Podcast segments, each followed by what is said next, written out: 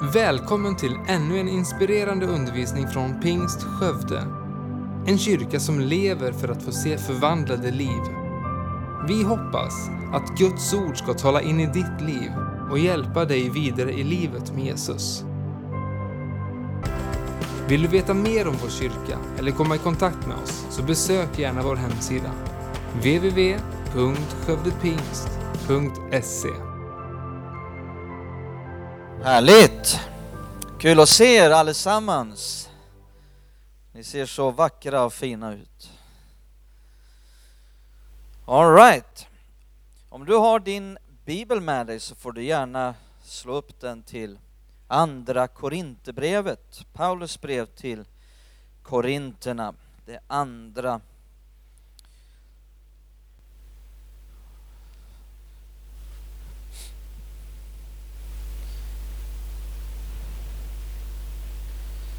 och det tionde kapitlet.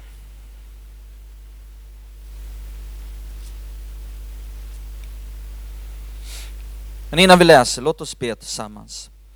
Fader Gud, i Jesu namn, vi ber till dig. Vi tackar dig för dina ord till oss. Tack att du är en Gud som inte är gjord av trä, eller guld eller sten, som har en mun som inte rör sig, som har öron som inte hör, som har händer som inte gör någonting, utan vi tackar dig att du är en Gud som talar. Tack att vi kan höra din röst. Och jag ber att det ska få bli en, en profetisk, övernaturlig stund just nu, där vi, vi hör från dig långt mer än vad jag säger. Långt mer än vi läser. Att var och en kan höra just nu från dig genom din helige Ande. Vi vill ta emot dina ord, vi vill bli vägledda av dina ord. Vi vill att dina ord ska förvandla våra liv. Vi tackar dig. Amen. Andra Korinthierbrevet 10 så läser vi från vers 3 till vers 5. Ty även om vi lever här i världen strider vi inte på världens sätt. De vapen vi strider med är inte svaga. Kom ihåg det. Lägg det på minnet, den frasen. De vapen vi strider med är inte svaga, utan har makt inför Gud att bryta ner fästen. Vad är det för fästen vi bryter ner? Jo, det står jo, ja, vi bryter ner tankebyggnader och allt högt som reser sig upp mot kunskapen om Gud och vi gör varje tanke till en lydig fånge hos Kristus. Vi ska också läsa ett bibelställe till och utgå från dessa två. Det andra är i Ordspråksboken. Ordspråksboken, det trettonde kapitlet. Och då står det i den tolfte versen, Ordspråksboken 13 och 12. Förlängd väntan tär på hjärtat, uppfylld önskan är ett livets träd. Lägg märke till det här, förlängd väntan. Andra översättningar säger hopp som förlängs eller inte blir av, tär på hjärtat. En känd engelsk översättning som heter The Message Bible eh, säger svår besvikelse gör dig sjuk i hjärtat. Svår besvikelse gör dig sjuk i hjärtat. Och det, det är mitt tema här idag, från besvikelse till glädje. Eh, jag, jag kommer aldrig att glömma den här ishockeyfinalen mellan Sverige och Finland i VM 2003. Hur många kommer ihåg det här fortfarande? Ja, det är en hel del. Alltså Sverige-Finland i ishockeyfinal i VM i Helsingfors. Och finnarna leder med 5-1. Det är stora förhoppningar i vårt grannland att få slå ärkerivalen på hemmaplan i en VM-final. Sverige vänder till 6-5. Och den extrema besvikelse som infann sig i hela detta land varade i månader innan liksom järngreppet eh, släppte. Ehm, besvikelse. Eh, det är alltid viktigt att identifiera en fiende. Eh, annars så löper man risk att bli ett offer. Det här är precis som med, med terrorister. Eh, kriget mot terrorister är svårt av den anledningen att fienden är svår att upptäcka och identifiera. Och det finns en strid, det finns fiender. Bibeln talar, och vi läste i det första bibelstället, att striden är mot ditt sinne. Det finns en strid mot ditt sinne, har du upptäckt det? Det har vi alla gjort. Eh, och där finns fiender. Eh, andra fiender kan vara lätta att identifiera och förstå att det är fiender som fruktan, oförlåtelse, men besvikelse kanske vi inte alltid identifierar som en fiende. Eh, men jag vill faktiskt idag tala och påstå att det här är en av ditt livs absolut största fiender. Besvikelse. En av livets absolut största fiender. Eh, och därför att vi kanske inte alltid tänker på det som en fiende mot vårt sinne, eh, så bjuder vi inte heller motstånd. Men kraftig besvikelse kan fullständigt slå ett järngrepp om en människa och krama livet ur en människa och orsaka död hos den människan och är faktiskt en av de absolut vanligaste orsakerna till självmord. Besvikelse. Besvikelse kan också orsaka död på det andliga området, döda tro, döda glädje och orsaka att en människa inte längre fylls och genomströmmas av Guds liv. Besvikelse.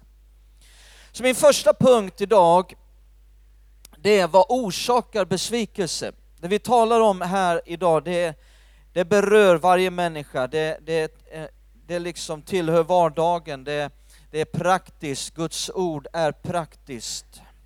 Det är någonting oerhört viktigt det vi talar om idag, att kunna identifiera och förstå den här fienden och vad den kan orsaka i våra liv. Men vad är det då som orsakar besvikelse? Ja, besvikelse kommer ju när man har eh, hoppats på någonting som sen inte inträffar. Att förhoppningen och verkligheten stämmer inte överens.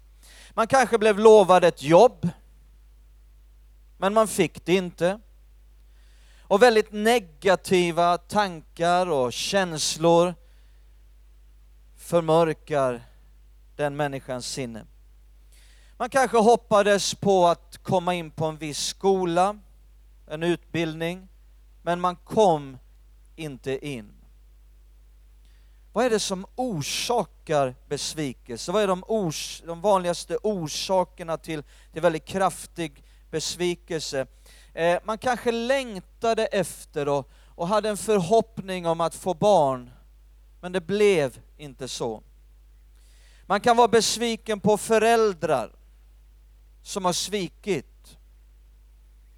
Man kan eh, ha besvikelser i företagsvärlden där samarbetspartners svek, höll inte sina löften. Besvikelser i ett romantiskt förhållande. Antingen före äktenskapet eller när man hade varit gift under många år och plötsligt säger den andra det är slut. Man kan vara besviken på ledare i kristenheten man gav hela sitt liv till en församling, men ledarna svek sitt förtroende. Man kan vara besviken på en bank. Man hade hoppats på att få ett lån, men man fick det inte och därmed kunde man heller inte köpa huset man hade tänkt att köpa. Det kan vara en sjukdom som man hade en förhoppning om att kunna, kunna botas ifrån. Och man följde läkarens alla råd. Man tog sin medicin, men läkaren sa efter en tid, det har kommit tillbaka. Jag skulle kunna fortsätta länge att tala om vad som orsakar besvikelse i våra liv. Men med andra ord så är besvikelse något som vi alla får uppleva. Skulle jag stå här och berätta om besvikelse jag mött i livet så skulle vi kunna fortsätta resten av dagen. Mycket enkelt. Besvikelser är någonting vi alla får uppleva. Ingen går fri från de här stunderna när någon inte höll vad han hade lovat eller motsvarade de förväntningar man hade eller något blev inte som man hade hoppats. Vissa besvikelser är lätta att hantera. Men andra besvikelser är oerhört svåra att hantera. Och nu kommer nästa punkt. Vad är det då vi upplever och känner? Vad är vanliga reaktioner på besvikelse? Och vi ska hitta en utav Bibelns absolut mest besvikna människor. Är det någon som kan tänka på någon besviken människa i Bibeln? Jona, precis. Simon han prickar 100% rätt direkt. Ja, jag kanske har smygtittat i mina anteckningar här. Jona. Ska vi försöka hitta en Jona-bok i Bibeln? Hur många vet var den ligger? Jona. Jona, Mika, Nahum. Så hittar du den finske profeten Mika, så är Jona alldeles bredvid. Jona, Mika, där har vi Jona. Fyra kapitel. Sidan 1017, 16 i min bibel.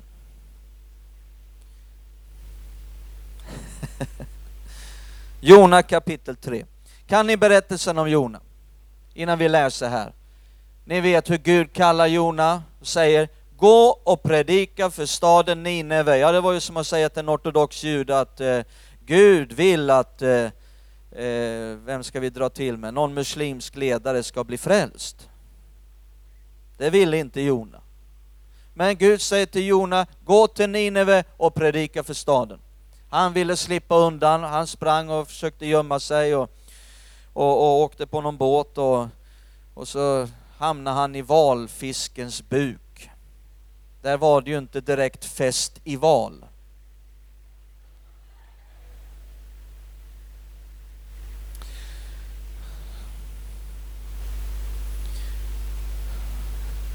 Det var Bukarest. Det var där Jona var. Han var i Bukarest. Så småningom blev han en spya. Kräktes upp på land.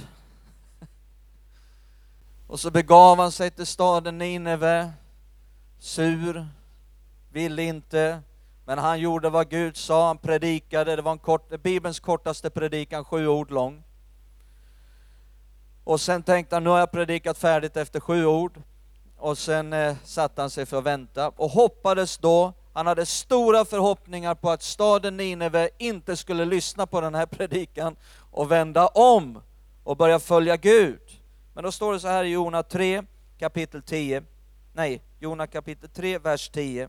Vers 10. När Gud såg vad de gjorde, att de vände om från sin onda väg, ångrade han det onda som han hade hotat att göra mot dem, och han gjorde det inte.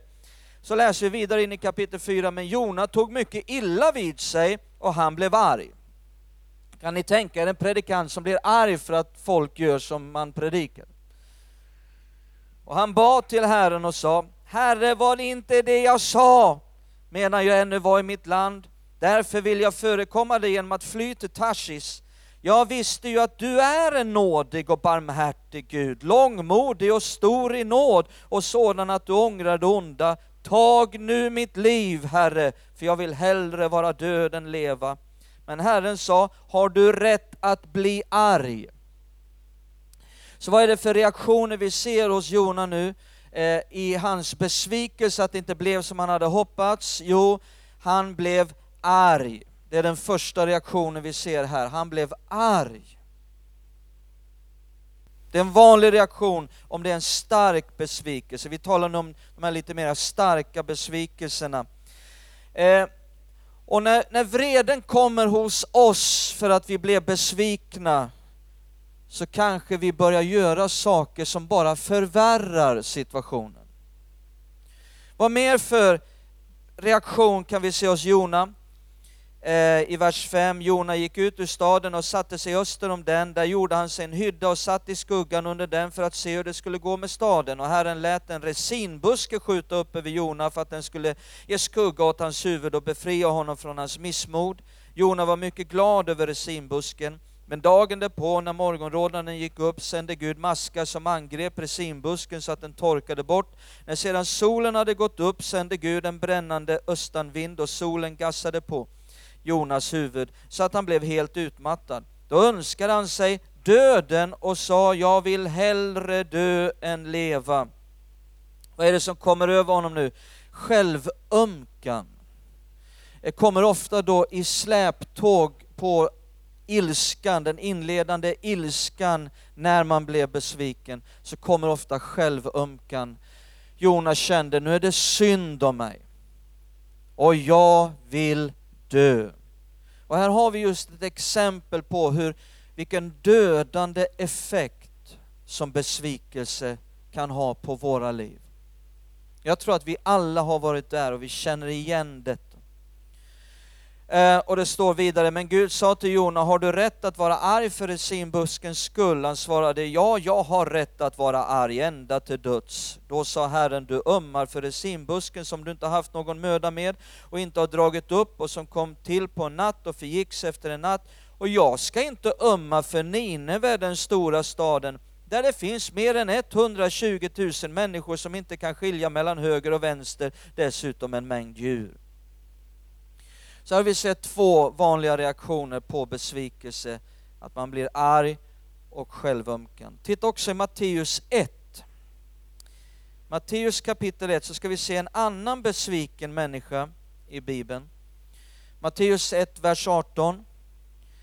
Så handlar det om Josef och Maria. Med Jesu Kristi födelse gick det till så. Hans mor Maria var trolovad med Josef, men innan de hade kommit tillsammans visade sig att hon var havande genom den helige Ande. Josef, hennes man, var god och rättfärdig. Han ville inte dra vanör, vanära över henne och därför beslöt han att i hemlighet skilja sig från henne. Josef var av naturliga skäl besviken. Det är bara att leva sig in i hans situation. Klart han var besviken. Det hade inte blivit som han hade tänkt sig. Eh, och så kommer den omedelbara reaktionen, han vill nu skilja sig från det han är besviken på. Han var god och rättfärdig, så därför fick det ju ske under ordnade former. Men han ville skilja sig från det som hade gjort honom besviken. Och det här är en mycket vanlig reaktion, att man vill skilja sig från det man blev besviken på. Eh, antingen det, det är liksom en människa, eller ett sammanhang som man är, har blivit besviken på. Eh, och därefter så kan man ha svårt att ge sig på nytt till ett sådant sammanhang. Eh, men grejen är att skilja sig från ett sammanhang, det är inte säkert att det förbättrar situationen. Det kan förvärra det hela. Men reaktionen är där och den är vanlig. och vi kan förstå den. Men vad viktigt är då att fråga Gud och involvera Herren när dessa känslor kommer. För det kan förvärra situationen. Josef kände också någonting annat. Hur ser nu detta ut inför människor? Vad ska människor tänka nu? Och det är också en vanlig känsla i besvikelsen, den svåra besvikelsen, fruktan för hur ska detta se ut inför människor? Den här spruckna planen. Kommer den att genera mig inför människor? Kommer det att se ut som att jag inte har kontroll över mitt liv? Ska det leda till att människor kommer med jobbiga kommentarer? Det här blir också vanliga känslor i det hela. Låt oss hitta ytterligare ett exempel i Lukas 24. Lukas 24 så hittar vi ytterligare besvikna människor. Vers 13 till 16. Lukas 24, 13 till 16. Och se, två av dem, av lärjungarna, var just den dagen på väg till en by som heter Emmaus och ligger 60 stader från Jerusalem. Och de gick och samtalade med varandra om allt som hade hänt. Vad var det som hade hänt? Jo, det här är ju efter Jesu död. Han har dött, han är begraven och nu var lärjungarna besvikna. Inte bara de här två, utan nu när Jesus hade dött och han var begraven så greps alla lärjungarna utav en svår besvikelse. Men titta vad som hände i nästa, i nästa vers så står det, eh, när de nu talade, talades vid och överlade närmade sig Jesus själv och slog följe med dem. Nu har han uppstått från de döda. Men så står det, men deras ögon var slutna så att de inte kände igen honom. Vad är det som har inträffat här? Jo, den här svåra besvikelsen har gripit dem. Eh, och det gjorde dem förvirrade. Det är också en vanlig reaktion och någonting som kommer i släptåg på en svår besvikelse, att man, man upplever sig förvirrad, desillusionerad. Vad ska nu hända? Man vet inte var man ska ta vägen, man är förvirrad. Det som de hade hoppats på hade inte blivit till. De hade hoppats på att Jesus, han skulle upprätta Guds rike och de skulle få regera med honom. Det, det var, var det de hade hoppats på. Det hade inte blivit så, det hade snarare blivit katastrof. Jesus hade inte fått bukt med romarna, han hade inte fått fariseerna på skam. och nu är de besvikna.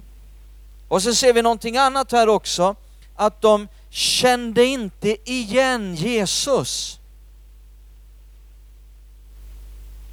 Det är också någonting som kan hända med oss när vi känner den svåra besvikelsen, att, att en människa blir som förblindad och kan inte se de människor och den tröst som faktiskt finns runt omkring dem.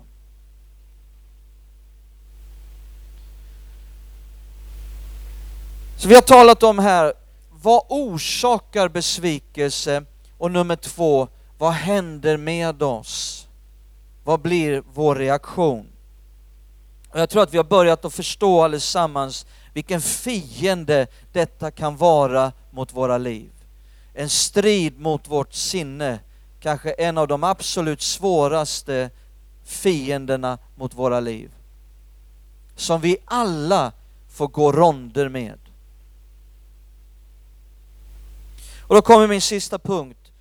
Hur hanterar man besvikelse?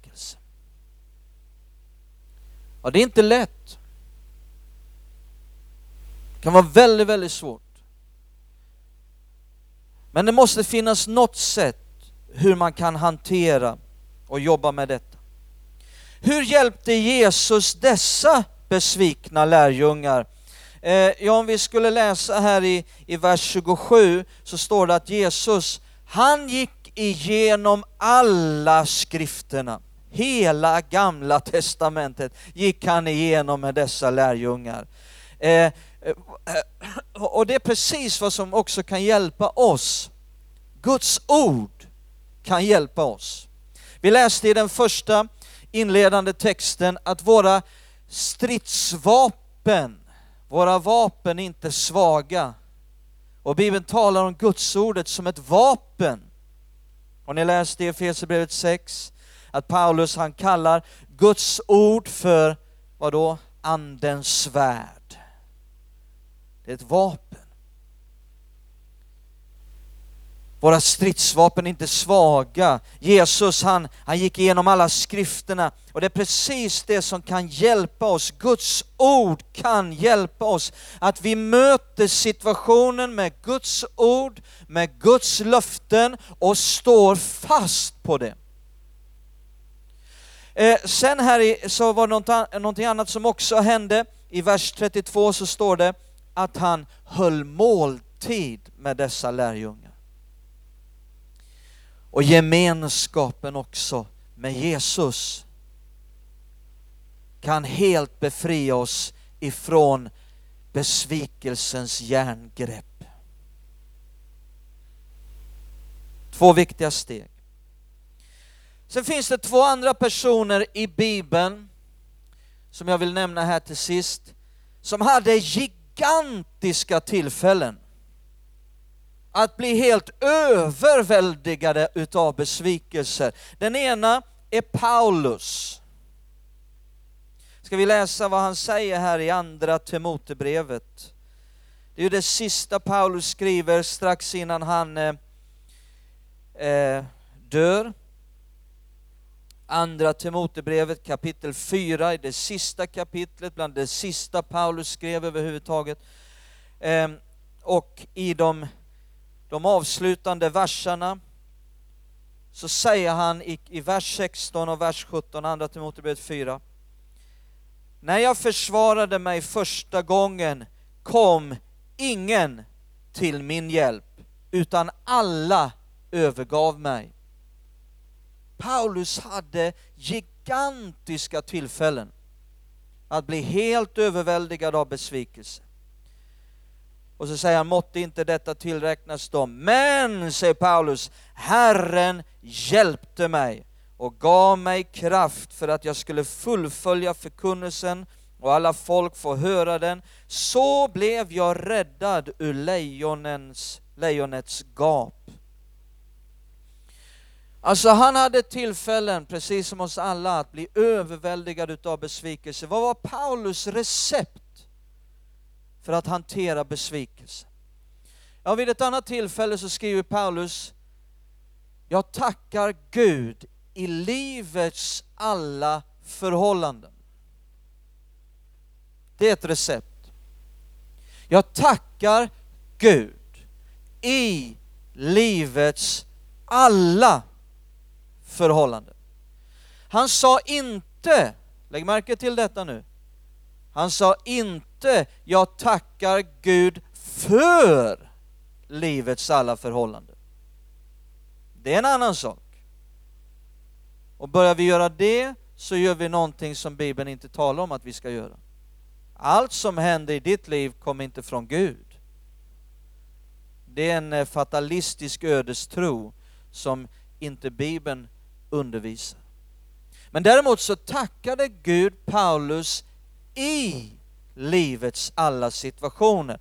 Han, han tänkte så här att, att eh, jag har alltid någonting att tacka Gud för, även om saker inte blev så som jag hade tänkt mig eller hoppats på, så har jag mycket att vara tacksam för.